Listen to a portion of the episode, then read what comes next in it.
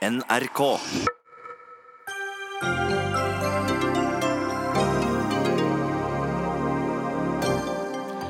Oljefondet bør selge seg ut av olje og gass. Det mener Norges Bank, men ikke for å være en del av det grønne skiftet. Nettmatbutikken kolonial.no sender 100 medarbeidere på dør. Ikke fordi det går dårlig, men fordi det går bra, ifølge sjefen. Sju av ti gravide blir definert som unormale med nye retningslinjer fra Helsedirektoratet. Det har aldri stått bedre til med både spedbarn og mødre i Norge, så hvorfor legge mer press på både helsevesen og mødrene selv da, spør en kritisk fastlege. Og hvis du syntes Norsk senter for bygdeforskning hadde et langt og litt komplisert navn, så har vi gode nyheter. Nå skal de hete Ruralis. Naturligvis var det en god idé.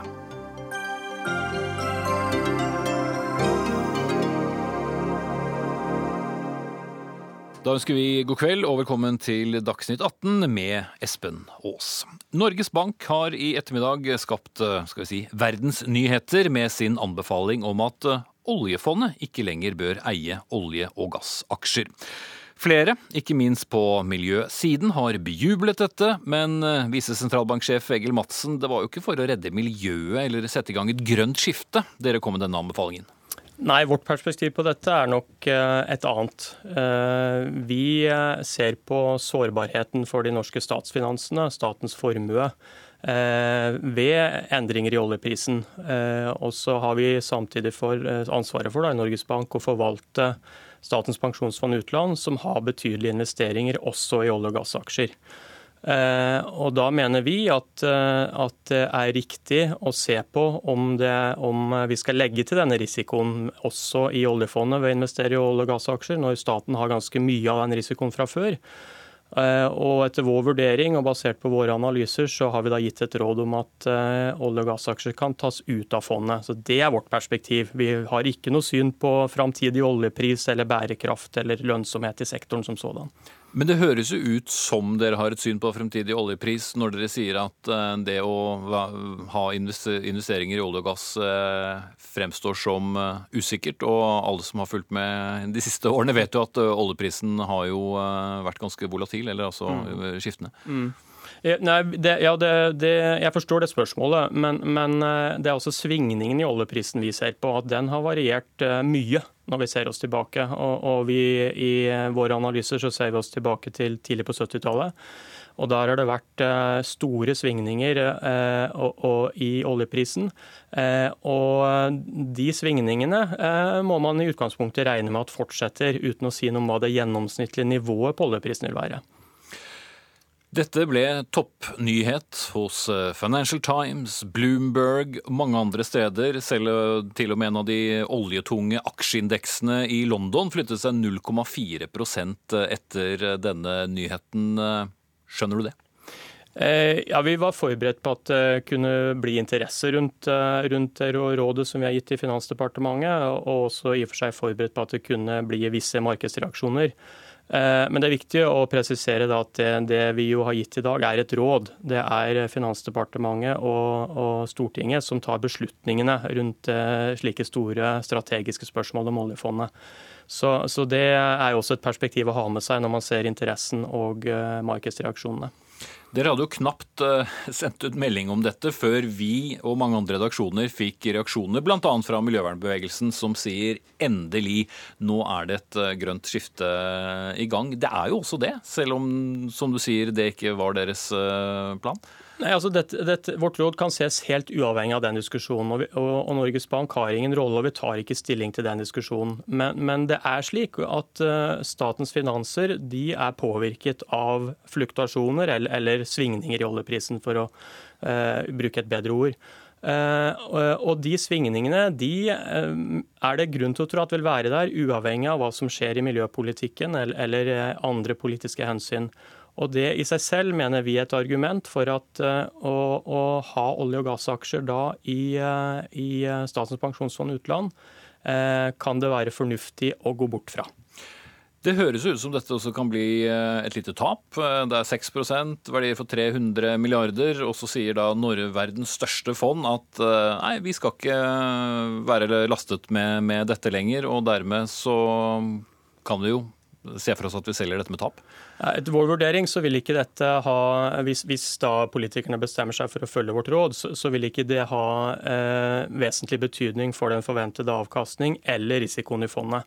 Eh, så Det som eh, i utgangspunktet vil skje, hvis, eh, hvis olje- og gassaksjer skal selges, er at man kjøper seg tilsvarende opp i de andre sektorene. Og det, Våre beregninger tyder på at det vil gi om lag samme forventede avkastning og risiko som det er i dag. Mm. Hvis vi ser litt historisk på det, eller ikke historisk nødvendigvis, men ser det litt over tid, så har jo f.eks. aksjekursen til Statoil, da vårt eget selskap, også svingt mye. Samtidig så har den jo gått gått opp med 60% siden uh, bunnen. Mm uh, man kunne jo se for seg at det nå ville holde seg stabilt på et høyt uh, nivå fremover, men dere mener at det er vel så stor sjanse for at det vil bli da nye nedturer ut fra deres kalkyler? nei, vi mener ikke det, men vi mener at det er stor sjanse for at det blir stor variasjon i oljeprisen. og det er det som ligger til grunn. Vi, vi, jeg må gjenta meg selv litt, men vi, vi har faktisk ikke et syn på hva nivået på oljeprisen vil være fremover. Mange vil vel likevel tolke det dit hen? Eh, ja, Det er jo da fint at jeg får anledning til å prøve å forklare det. F.eks. her at, at, det er eh, variasjon, fluktasjoner, svingninger i oljeprisen som statens finanser eh, er påvirket av. Eh, og Den påvirkningen den kan vi redusere, eh, etter vårt syn, i, i, eh, i, et bidrag til å redusere ved at fondet ikke er investert i disse selskapene. Hvorfor kommer denne anbefalingen nå? Og dette blir, vil jo uansett ikke skje før mest sannsynlig utpå høsten neste år, hvis jeg forsto Finansdepartementet rett? Nei, jeg, vi har også fått med oss hva departementet skisserer av prosess knyttet til dette rådet. Vi mener at det var riktig å komme med dette rådet nå, fordi regjeringen i sommer, eh, etter råd fra Norges Bank og andre, tok en beslutning om at eh, aksjeandelen, altså hvor mye av fondet som er investert i aksjer, skal økes til 70 det betyr jo at også eh, olje- og, gass, olje og gassaksjeinvesteringene i fondet vil øke den perioden. Så hvis dette rådet skulle gis, og vi mener det er riktig å gi det rådet, så mener vi at det var et godt tidspunkt å gjøre det på nå.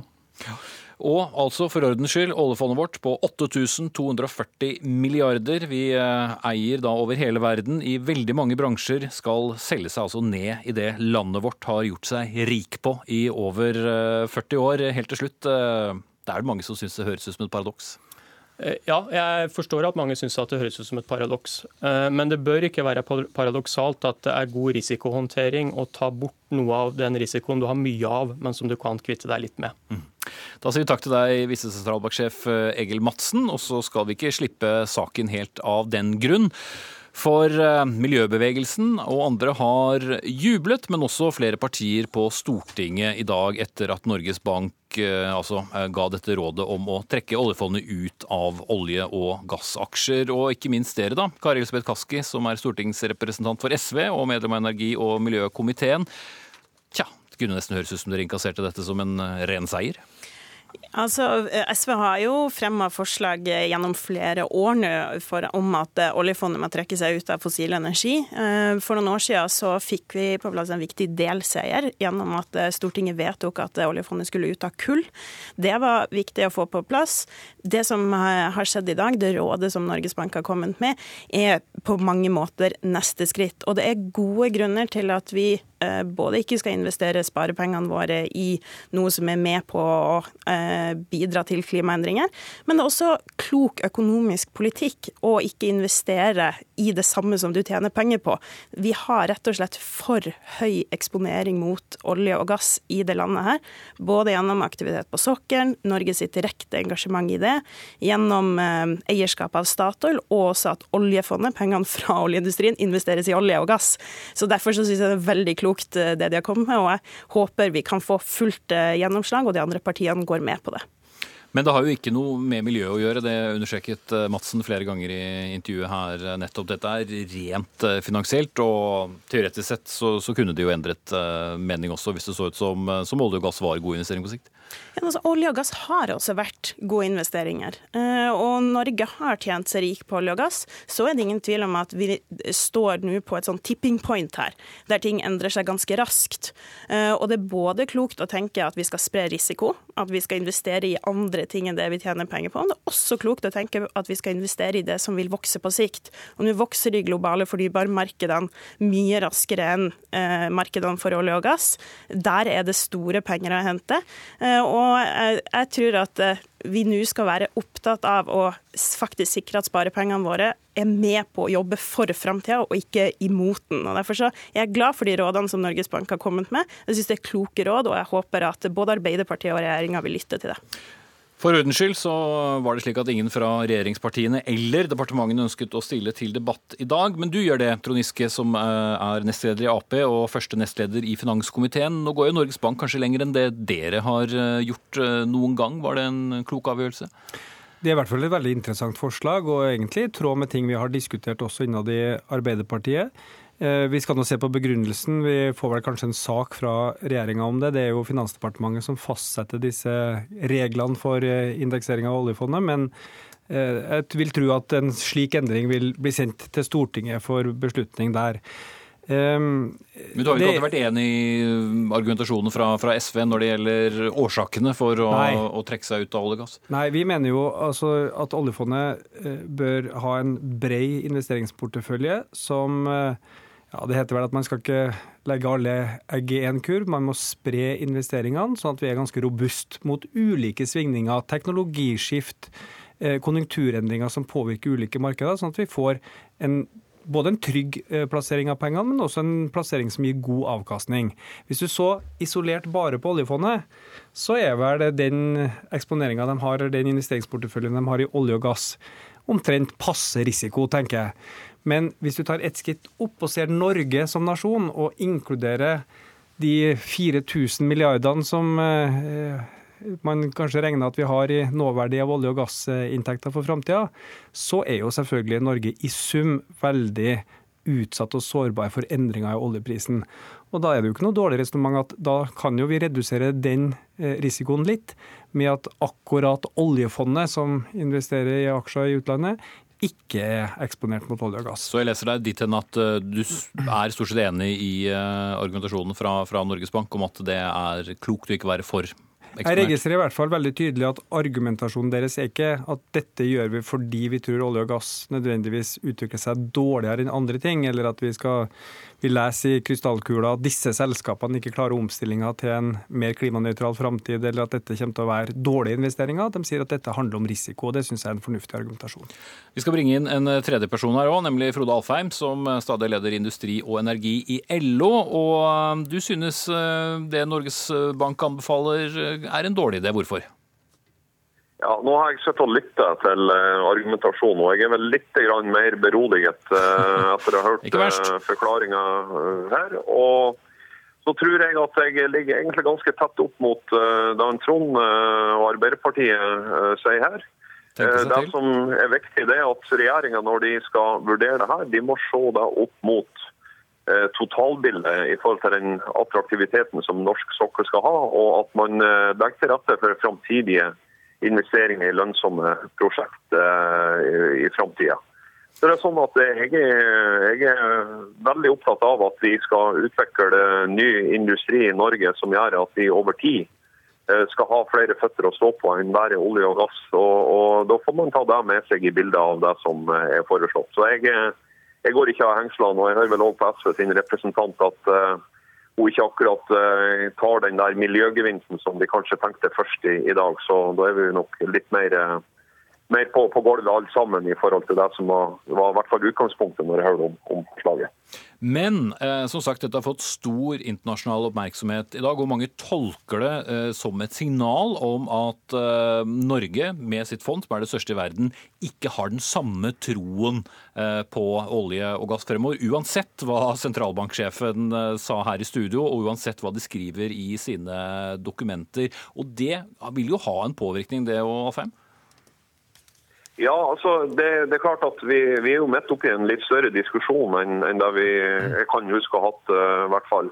Men jeg, jeg som sagt, ja, nå har jeg lytta godt til det som er begrunnelsen her, og jeg er betydelig mer roa ned på, på det her.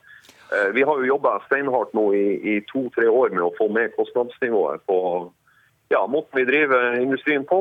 Og vi har kommet veldig langt, og vi vet at vi vil ha nye utbyggingsprosjekter rundt hjørnet nå som et resultat av at vi har, uh, har vist at vi er i stand til å ta ned kostnadene. Mm. Og, og, så Irritasjonen uh, jeg hadde først i dag, var jo at det der kommer litt på toppen av alt det andre vi har vært gjennom i det siste.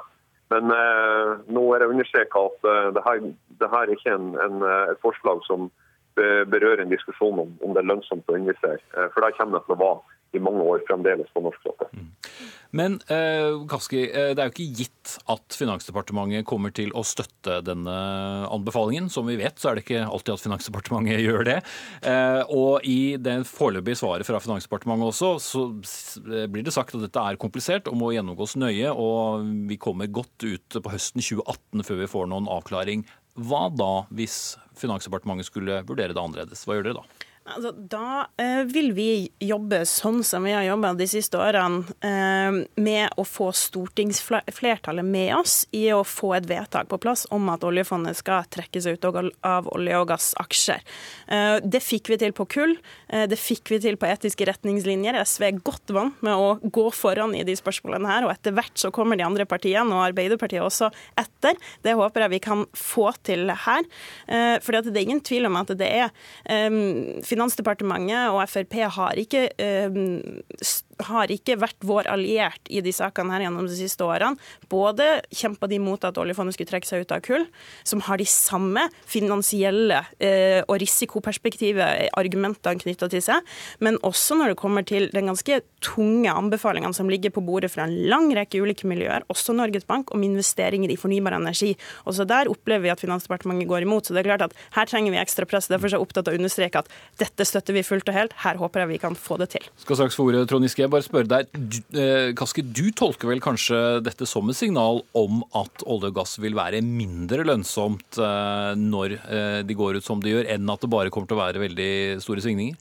Jeg tror at det her er veldig veldig klokt på lang sikt for Norge. Både å spre risiko, men det er jo ingen tvil om at vi ser nå at det er store endringer i olje- eh, og gassmarkedet.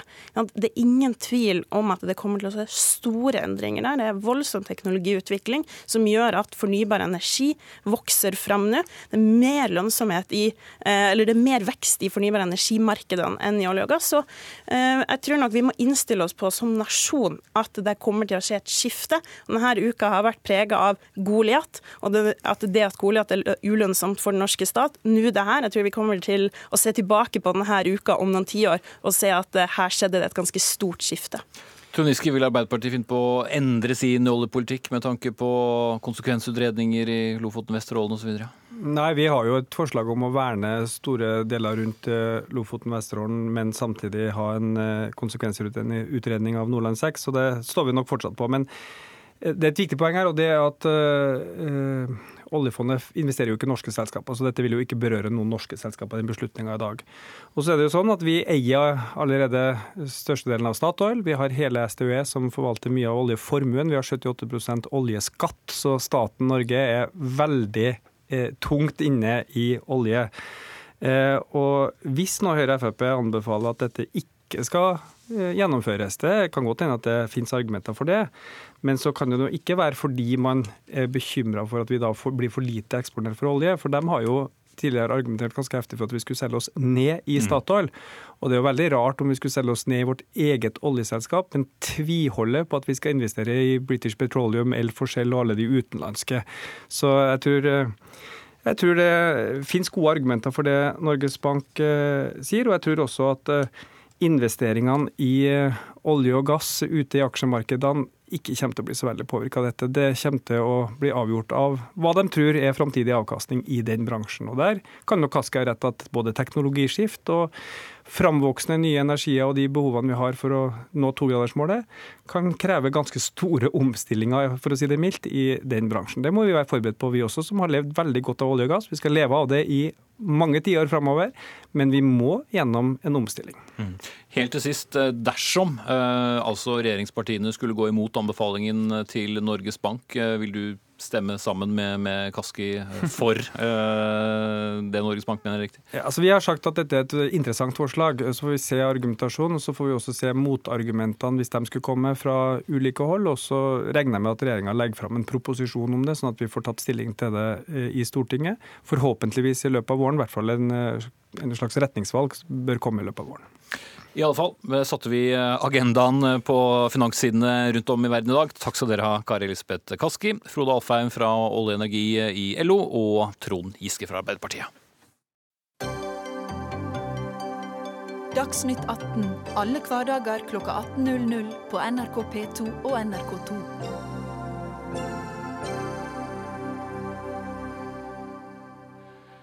De er ehm, størst på matvarer på nett og vokser hurtigst i Norden. Likevel kutter kolonial.no 100 ansatte. De skal ikke erstattes av roboter, så hvordan kan vi tro på administrerende direktør eh, Carl Munthe Kaas når han påstår at det egentlig går etter planen? Vi skal høre hva han sa til Dagsrevyen 21 i går. Vi har hatt en veldig kraftig produktivitetsøkning de siste månedene, og kommer til å ha det eh, fremover også. Eh, og da da er det sånn at når man produserer mye mer, men med færre mennesker, så, så må man også eh, kutte, kutte de stillingene. Jeg har dekket eh, økonomi og næringsliv i mange år. Det er sjelden jeg hører noen vil eh, si opp en firedel av staben fordi det går så bra. Du må forklare dette. Ja, Det, det skjønner jeg. Det, vanligvis så forbindes jo nedbemanninger med, med, at ting går dårlig. Eh, men det, det, er som jeg sa i, i nyhetsinnslaget. Vår plan har jo vært å bygge opp eh, skala, og vi, vi har jo vokst veldig raskt, som du er inne på. Um, og nå kan vi også uh, ta ut en del av de skalaeffektene. Og da, da, da skjer det sånne ting som dette her, at produktivitetsøkningen blir plutselig veldig mye raskere enn veksten i en viss periode, og da må man jo uh, kutte. Du har kalt dette en ikke tradisjonell nedbemanning, så hva er en utradisjonell nedbemanning? Nei, ja, Det er jo sikkert uh, et definisjonsspørsmål hva som er tradisjonelt og ikke. Men, men uh, nei, det er som jeg sa, at dette er en situasjon hvor vi vokser fryktelig raskt. og likevel nedbemanner. Og det er som du sier at det er selvfølgelig uvanlig. men dette er jo en veldig ung industri. Og, og en sånn kraftig vekst, den, den, den, gjør jo at man da gjerne fokuserer på det først i en periode, og så må man se på hvordan man kan gjøre ting mer effektivt. og det som har skjedd her, som, som, jo er egentlig veldig bra, det er jo at eh, medarbeiderne på lageret har gjort en fantastisk innsats for å bli veldig mye mer produktiv, og så har de lett og slett lykkes med det. Eh, og det har også vært en helt klar nødvendighet. Eh, og da må man også ta inn den ekstra kapasiteten som man har fått. For det er ikke noe tvil om hva som er dyrest gjerne i enhver bedrift. Det er jo ansatte, det er personer.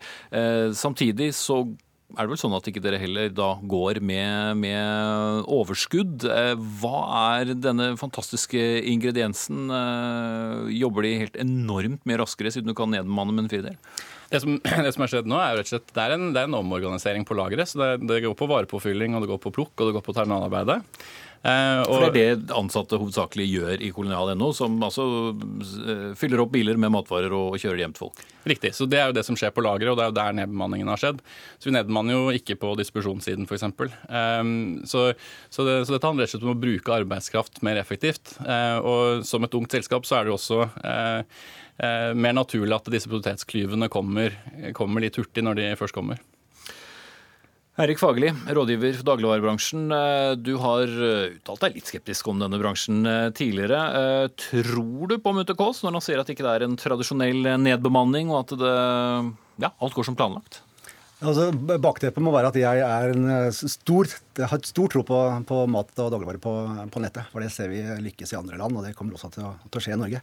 Men, men, eh, jeg har jobbet med, med, med strategi i, i, dagligvarebransjen og i, i varehandel i veldig mange år. og Det er jo sjelden man hører at en 25 reduksjon av arbeidsstokken utelukkende er en god nyhet. Det, det, det har du rett i, syns jeg. Uh, og så, så, syns jeg Karl er inne på noe viktig. altså man, man, Det Kolonial gjør her, sammen med Godt levert og Ales matkasse og brødbokser, det er jo å bygge et nytt marked. Det tar litt tid, det koster penger, og det skal få deg og meg til å endre forbruker, uh, forbrukervaner. men så er det også sånn at det har vært et veldig fokus på, på vekst. og det er riktig av én grunn, at man må bygge en skala for å, for å kunne få innkjøpsbetingelser som er rimelige, og for å få distribusjonskostnader som er, som er rimelige. Og så ser vi veldig veldig klart nå i mange andre land, og sånn også i Norge, at fokuset fra eiere, aksjonærer, investorer dreier seg litt over fra bare i hermetegn å gå på vekst, men også kreve lønnsomhet. Og det er der kolonial er nå, da. At eh, man blir eh, i enda større grad forventet å, å kunne skape lønnsomhet. Og i så henseende så, så er det jo riktig å kutte kostnader. Med 25 av arbeidsstokken, det fremstår jo som, som, som, riktig viktig, men også, også dramatisk. Da. Ja, for det er jo ikke noe tvil om at dette vil gjøre godt for bunnlinja. Altså hvis vi regner eh, en kostnad på en million i året per ansatt, så er jo regnestykket enkelt når det gjelder kostnadsbesparelse, i hvert fall. Ja, altså eh, Og det, er riktig som, som Erik sier, at altså, jo større du blir, jo viktigere blir det å drive effektivt. Um, men, men, dette er jo en, en, en, endring som skjer på en måte internt. Det er internt drevet. Det er, det, er, det, er, lageroperasjonen selv som, som utgangspunkt. Og det gjør jo alle industribedrifter til enhver tid. Prøver jo å øke effektiviteten. Um, og Nå har de da satt på plass en rekke tiltak som, som, har hatt veldig stor effekt, og som vi også ser kommer til å ha stor effekt. Altså Denne nedbemanningen kommer ut til å skje i løpet av januar-februar, første kvartal neste år.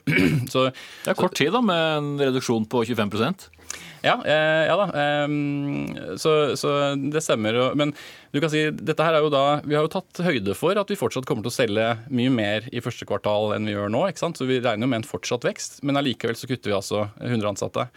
Og da, da, er jo konklusjonen eh, da, da, da, tror jeg ikke man kan trekke så veldig mange andre konklusjoner fra utsiden enn at da må produktiviteten ha økt. fordi hvordan ellers kan du klare å håndtere mye større vekst med færre ansatte?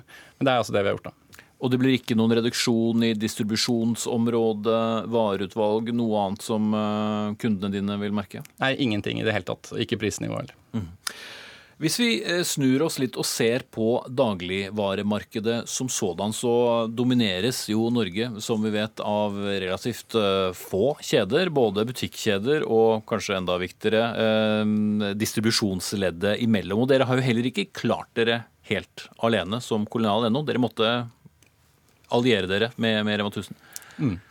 Det, det, stemmer. Og, og um, det er sånn i Norge at uh, de store grossistene, uh, Norgesgruppen, Rema og Coop, de, de, har veldig mye bedre betingelser enn de som kommer på utsiden. Det, det merket vi når, vi når vi entret dette markedet.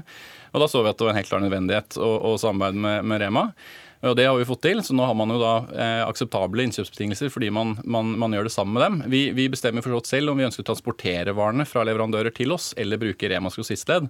Men det viktige er at vi, vi forhandler sammen med Rema, så vi får, får vareprisene. Eh, eh, men, men, når det er sagt, så, så, så, er det jo fortsatt et stort problem, og vi har vært ute i, i media og, snakket litt om det også, at det er fortsatt veldig stort gap mellom Rema og Norgesgruppen. Eh, og også egentlig Coop, da, altså Coop og Rema mot Norgesgruppen. Eh, og det, det, er et vedvarende problem, ikke bare for oss, også fordi vi får Remas innsynsbetingelser, men, men, også for, for, hele, for, hele, bransjen, fordi det blir veldig skjevt. Eh, og det er et veldig uheldig interessefellesskap mellom leverandørene og Norgesgruppen. Som, som, gjør at de gir Norgesgruppen veldig eh, gode betingelser i bytte mot lojalitet til merkevarene. Og det, det tror jeg er uheldig for konkurransen. Og faglig, det er vel kanskje det som kommer til å være den store lakmustesten for uh, overlevelsesgraden uh, til Kolonial og andre, hvorvidt de allierer seg med de store, eller om de uh, forsøker å overleve alene? Ja, eller uh, allierer seg med, med produsentleddet, med, med, leverandørene. Fordi jeg synes Noe av det som er mest interessant, uh, både i Norge nå, men også i andre land, er jo at hvor ulike modeller man velger. Uh, altså Et godt levert som skal levere middagen hjem, de baserer seg i all hovedsak på å kjøpe direkte fra, fra produsenter. Brødboksen gjør det samme. Marked.no startet vel ikke bare sånn, men nå i all hovedsak kjøper de også utenom grossist. Og så er jo Kolonials vekst også er jo basert på, på, en høyere andel med egen distribuert, men fortsatt en god del over grossist. Og den grossistfunksjonen, det grossist, det koster også penger. Det koster varen ganske mye penger. Um, og, og, er man ikke blant de aller beste på innkjøpsbetingelser, så tror jeg ikke man kan vinne denne kampen. Er det uh, særnorskt? Nei, det er, ikke, det er ikke, særnorsk, men det er, det er, det er, litt tydeligere i Norge uh, hvilken grossistkonsentrasjon vi har. Altså Maktkonsentrasjonen i grossistleddet er høyere i Norge enn i mange andre land. Konsentrasjonen i detaljistleddet er ikke så veldig, veldig ulikt. Men, men, men, da blir det jo riktig som, som, som Karl her sier, at uh, man kan ikke henge etter et Rema som eventuelt blir hengende for langt etter uh, Asko og Coop i sine innkjøpsbetingelser. Da får Kolonial for dårlige innkjøpsbetingelser, og det kan vi aldri ta ut igjen uh, i forbrukerpris på andre siden. Mm. Og det var en skal vi si, bratt læringskurve for dere også? Ja, altså vi, vi, så jo det når vi, vi visste jo for så vidt det også før vi entet markedet, at det, dette, var hvordan, dette, dette, var sånn konstellasjonen var. Og vi visste at det ville være nødvendig å få enten strategiske partnerskap med leverandører eller med grossistene. Og så, og så gjorde vi da det siste. Og jeg er helt enig med, med, med Erik her om, om, om, dette her. og Det er selvfølgelig helt riktig. altså Det er leverandørkonstellasjonen i Norge som er unik. altså rett og slett at Vi har monopolistisk eh, situasjon i veldig veldig mange varekategorier. Men ett et punkt eh, altså for å inne på det, altså vi Ca. halvparten av det vi selger, tar vi direkte. Men hvorvidt vi egentlig bruker Rema som en transportør, eller om vi gjør det selv, det, det står vi jo fritt til å gjøre, egentlig. Og, og, så vi bruker da Rema når det er den mest effektive måten å transportere varen fra, fra A til B, altså fra produsent til oss. Um, men det viktige er hvilke betingelser du har på de varene du kjøper. Uh, det er mye, mye viktigere enn den kostnaden i distribusjonen. Det blir i hvert fall eh, spennende å se når dette regnestykket skal ut i praksis. Altså en reduksjon på 25 av staben og videre vekst. Eh, takk skal dere ha, Carl eh, Munthe-Kaas og Eirik Fagerli.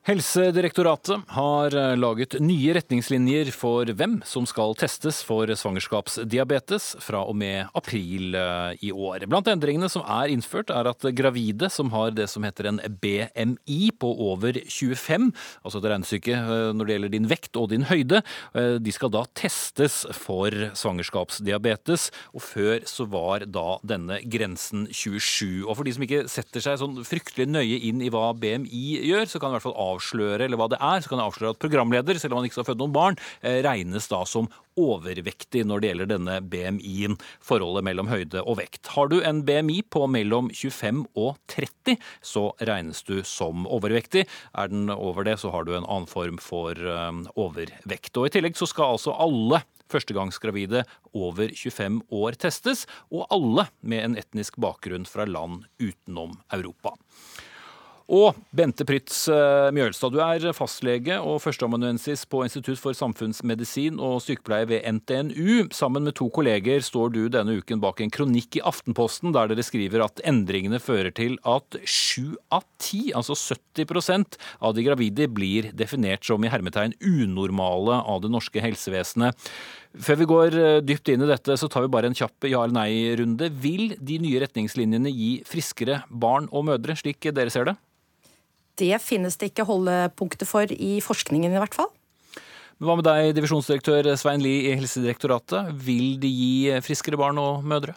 Ja, vi mener jo det. Fordi at eh, det er økende gjennomsnittsvekt og økende alder på fødende i Norge. Og derfor så må vi komme med kunnskapsgrunnlaget sånn som det er utreda fra vår side. Mm. Men eh, Prytz eh, Mjølstad, du og dere syns dette er problematisk og er ikke med på dette resonnementet. Hva er galt?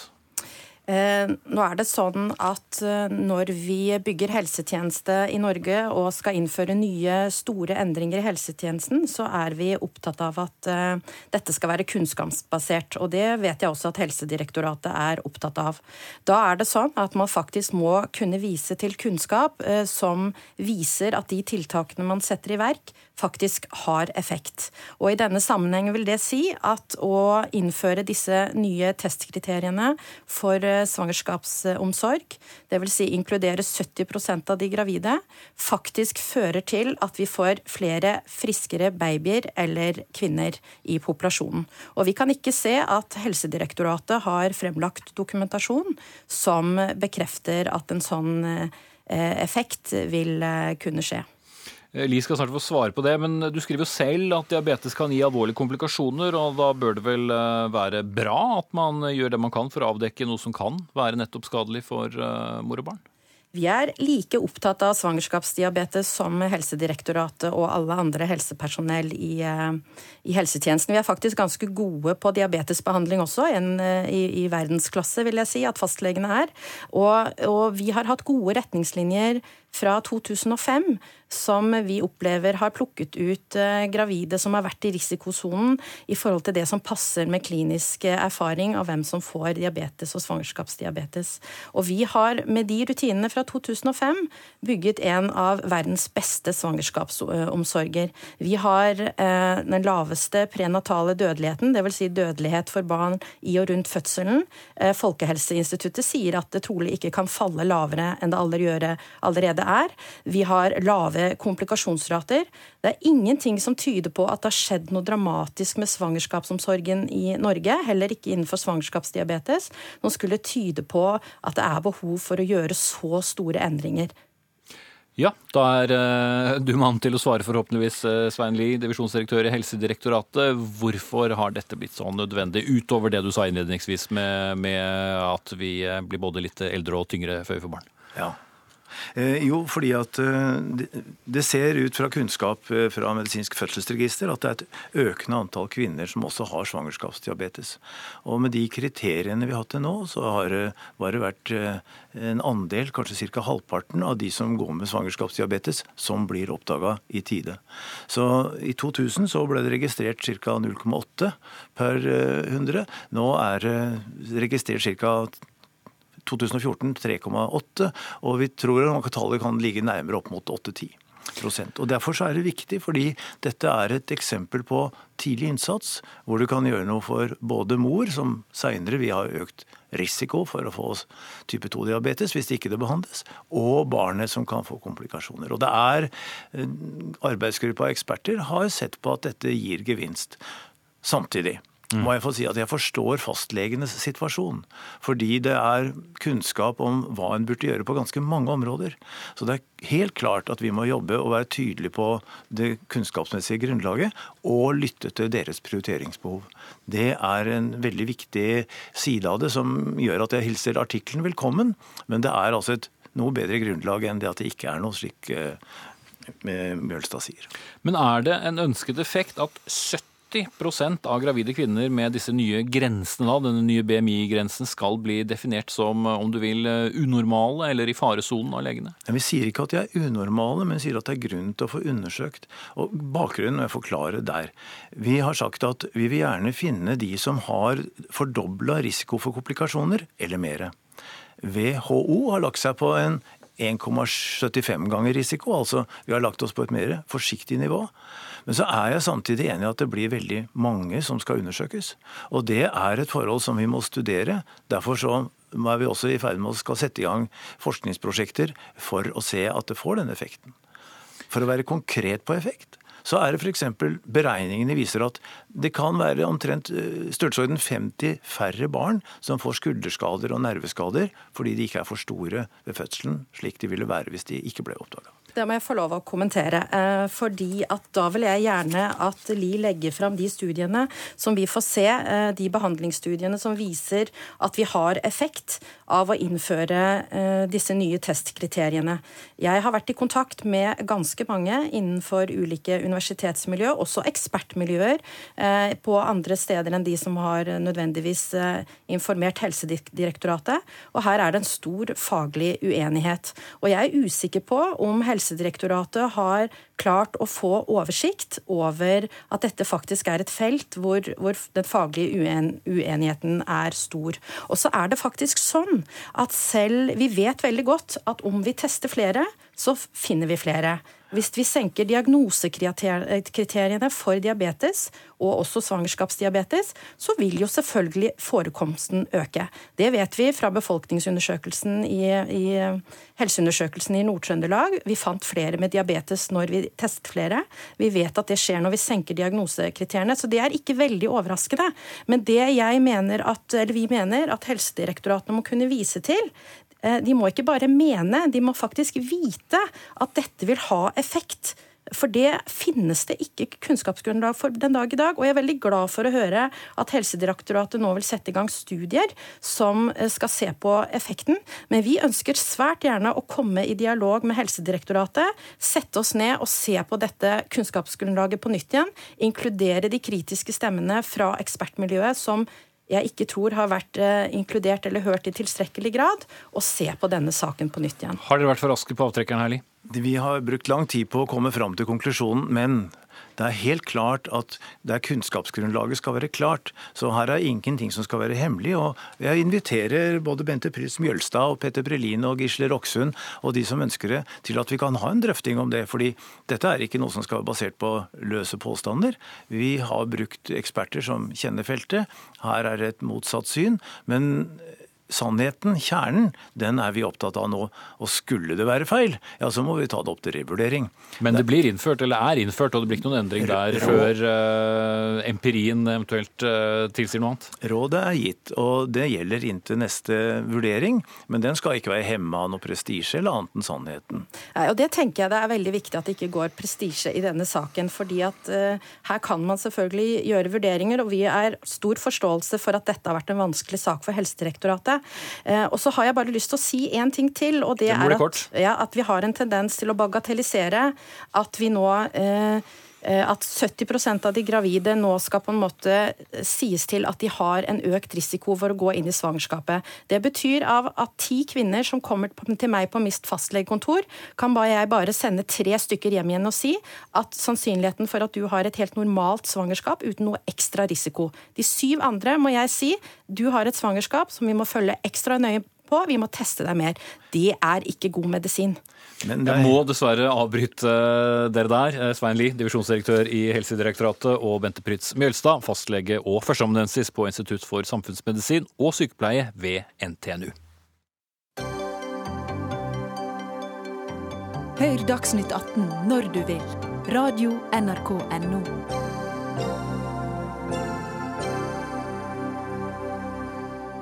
Og slik sett skal vi eh, hoppe et lite steg videre i eh, menneskets eh, utvikling, for det skal handle om barnets tidlige stadium. For Norge diskriminerer far, ja det mener iallfall ESA, som nok en gang har kritisert Norge for at fars foreldrepermisjon er avhengig av om mor er i jobb. For dersom mor er student, ufør eller går på arbeidsavklaringspenger, så får ikke far lønnet permisjon, verken pappaperm eller noe av fellesperioden.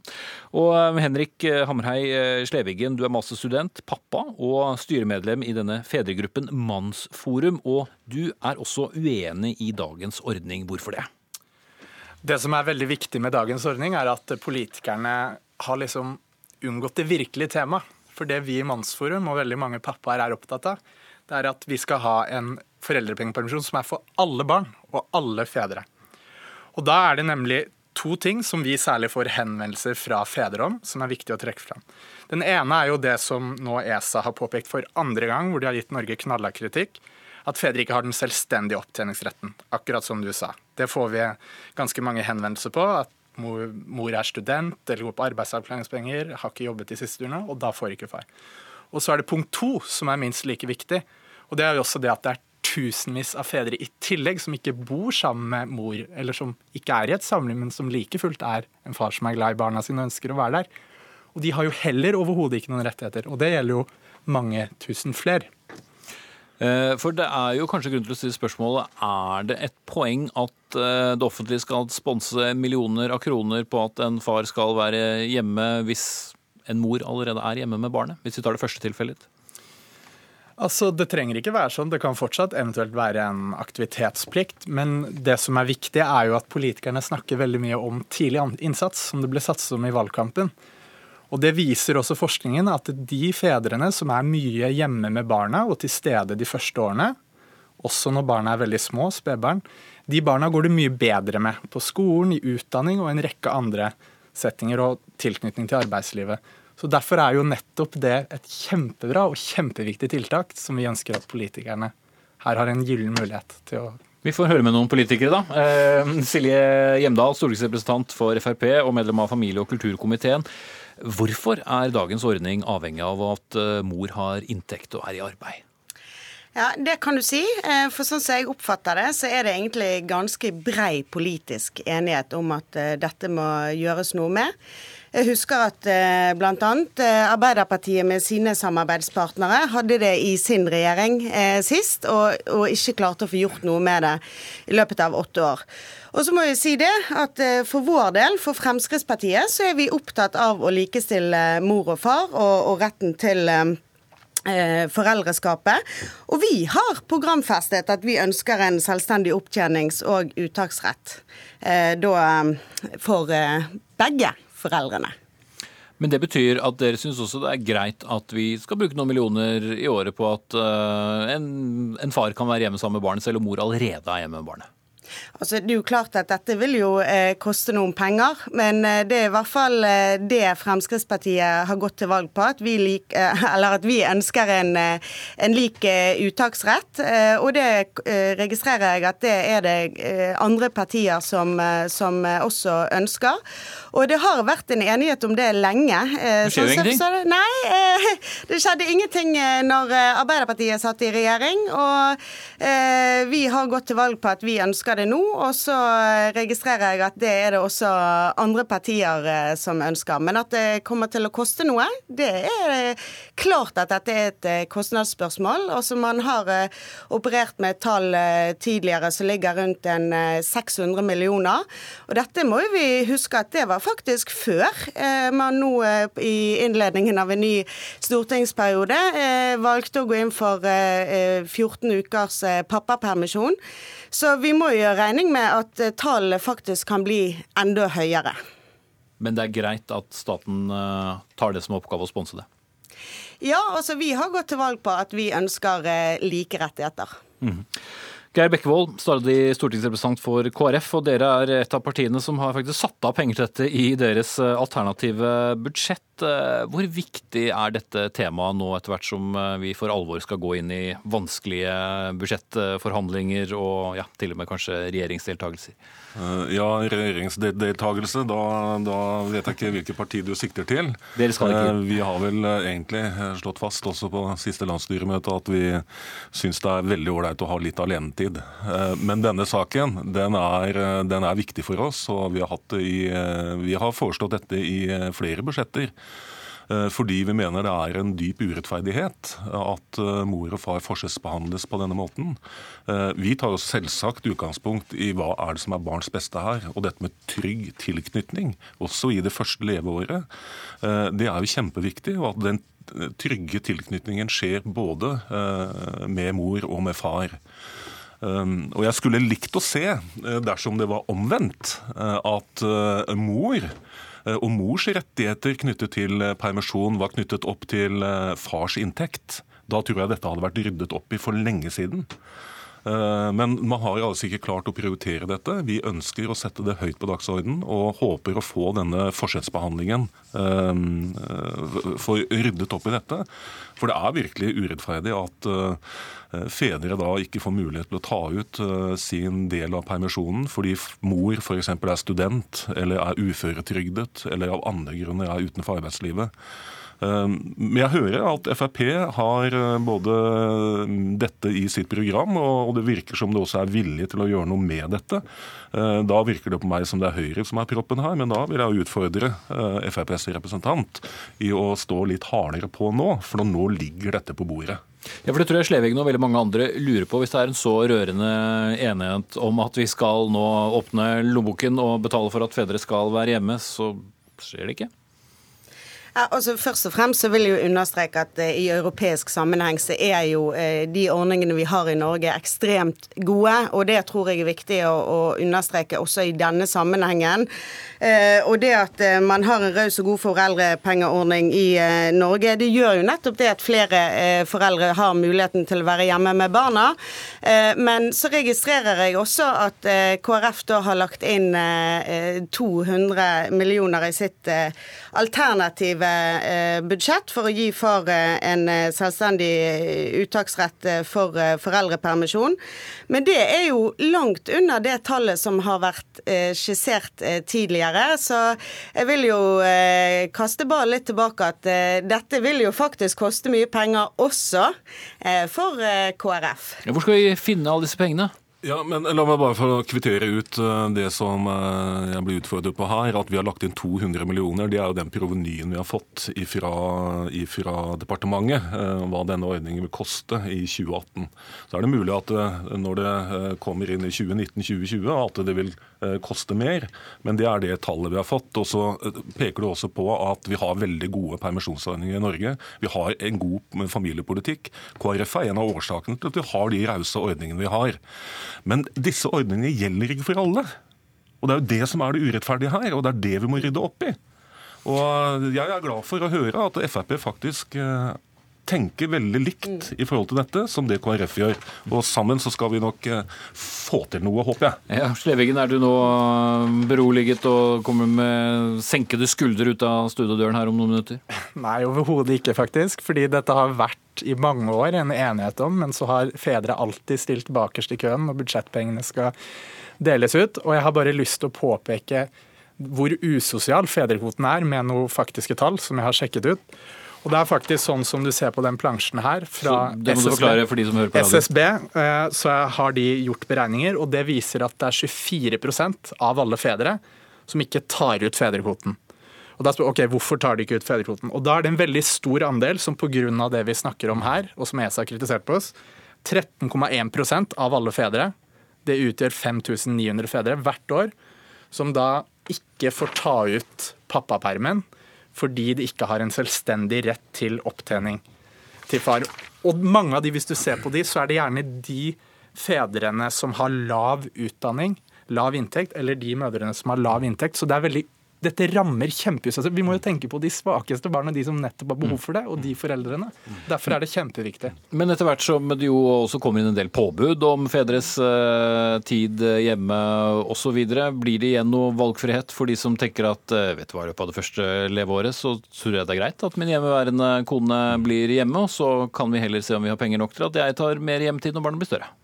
Eh, det som er viktig for oss, det er at vi legger til rette for en god eh, permisjonsordning som både mor og far er en del av. Eh, og, og Valgfriheten den ligger der fortsatt. Det vil alltid være en fellesdel der familiene selv kan velge hvem som skal være, ta ut den permisjonen. KrF vi har også gått til valg for å utvide foreldrepermisjonen med fire uker, eh, som skal legge inn i denne fellespotten. Og Vi håper jo at vi også i, i, forhandlingene i denne perioden klarer å få gjort noe med det. Ja, det koster penger med gode familieordninger, men det er en god investering for hele samfunnet at vi legger til rette for denne trygge, gode tilknytningen som i hvert fall det første året i barns liv er viktig, og at både mor og far kan være en del av det. Eh, så, mm, og så har jo, som programlederen også påpekte, ESA eh, ikke bare én gang, men i hvert fall to ganger eh, pekt på at dette er en forskjellsbehandling som er i strid med EØS-reglementet. Så på et eller annet tidspunkt så tror jeg nok at vi blir nødt til å, å, gjøre noe med dette uansett. Men det er ikke ESA først og fremst som er drivkraften i at KrF legger dette inn i våre budsjetter. Det er fordi vi mener dette er bra for familien, og ikke minst er det bra for barna. Geir Bekkevold, du kan jo minne um, Silje Hjemdal og andre Frp-ere om det etter hvert som budsjettforhandlingene skrider frem. Og så tror jeg det at uh, Henrik uh, Hammerhei Sleveggen uh, vel ikke tar noe for gitt ennå, men um, trolig må smøre seg med litt mer tålmodighet.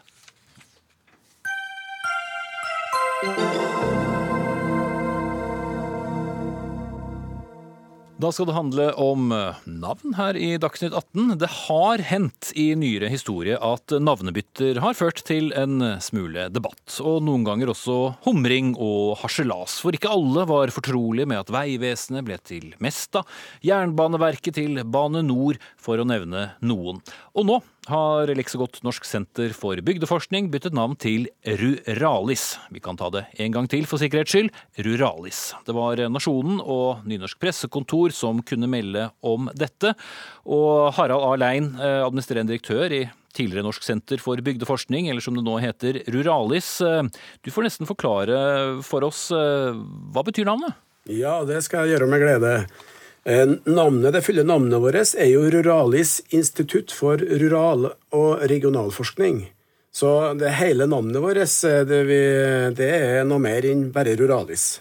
Hvorfor eh, var det viktig å bytte navn? Jo, det er en del som omfatter det at bygdeforskning det er for smalt i forhold til det de faktisk opplever at vi forsker på. Og vi har ifra, både fra brukere og ifra, ifra eh, for forskere stilt spørsmålstegn om skal vi ikke snart begynne å endre navn. Og så har vi hatt en lang og, og, og god intern prosess både med og ansatte og funnet ut at ordet rural og ruralforskning er, er, er et, et, et, et, dekkende navn for det vi holder på med. Derav Ruralis. Åse Vetås, språkdirektør, dette var vel storartet?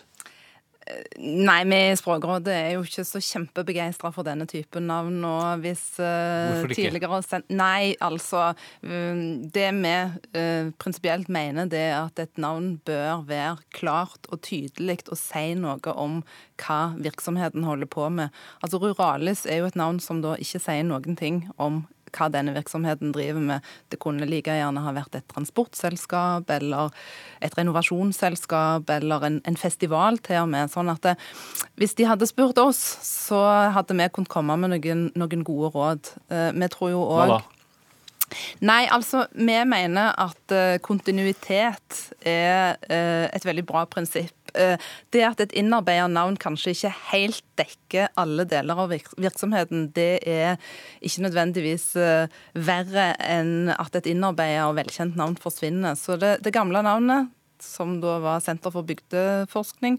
det, det, gir en mye bedre og mer presise beskrivelse av hva det er som er virksomheten. Og det tror vi er til glede for folk flest. Ja, Harald Rein, det kreves litt eh, forkunnskap eh, å forstå hva ruralis er. Var det mm, unison tilslutning til navnet? Nei, det er selvsagt når du endrer et navn som vi er godt fortrolig med, og som har en god klang i, i retning av bygder og bygdeforskning, så er det ikke enkelt å endre navn. Vi skal fortsatt ha sterkt fokus på bygder. Vi skal fortsatt ha sterkt fokus på lokalsamfunn i forskninga vår, men vi favner mye bredere områder med det vi forsker på i dag. Og, og, og ruralnavnet det kommer fra det latinske ordet 'landlig', som er det motsatte av det mer kjente ordet 'urban'. Så vi synes at det at vi er opptatt av det rurale, av Distrikts-Norge, av ressursene som skal på et vis berge framtida for verdiskaping når oljealderen tar slutt, det tror vi er et langsiktig godt navn. og Internasjonalt så er det jo store fagfelt og viktige fagfelt, og ruralforskninga internasjonalt er stor og viktig, og vi er faktisk en viktig brikke i den forskninga og har gode kontakter over hele verden med det begrepet.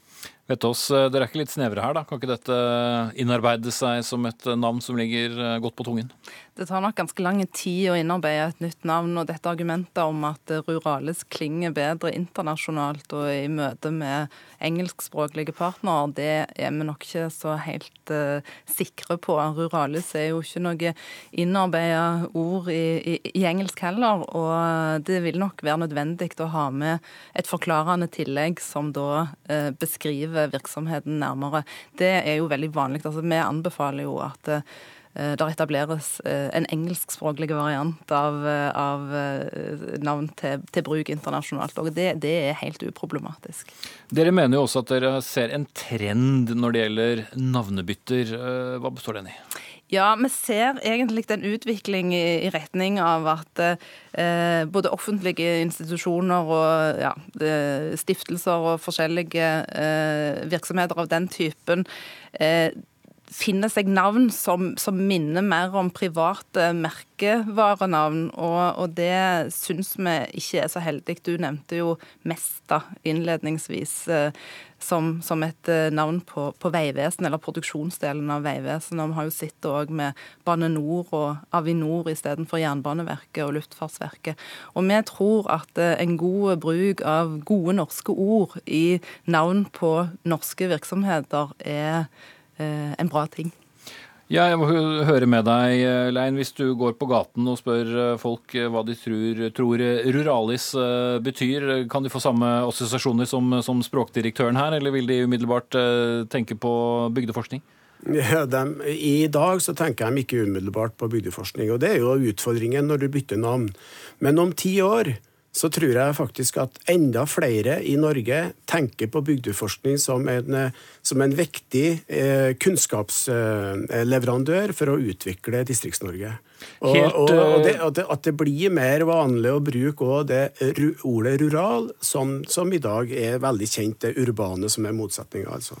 Hvis du kan svare på ti sekunder på slutten, hva, hva, kom som nummer to etter Ruralis? Nei, vi kunne jo være et sånt uh, kortnavn som uh, uh, N, Norsk institutt, NI, også for rural forskning. Så NIRF kanskje kunne vært et alternativ hvis det var likere.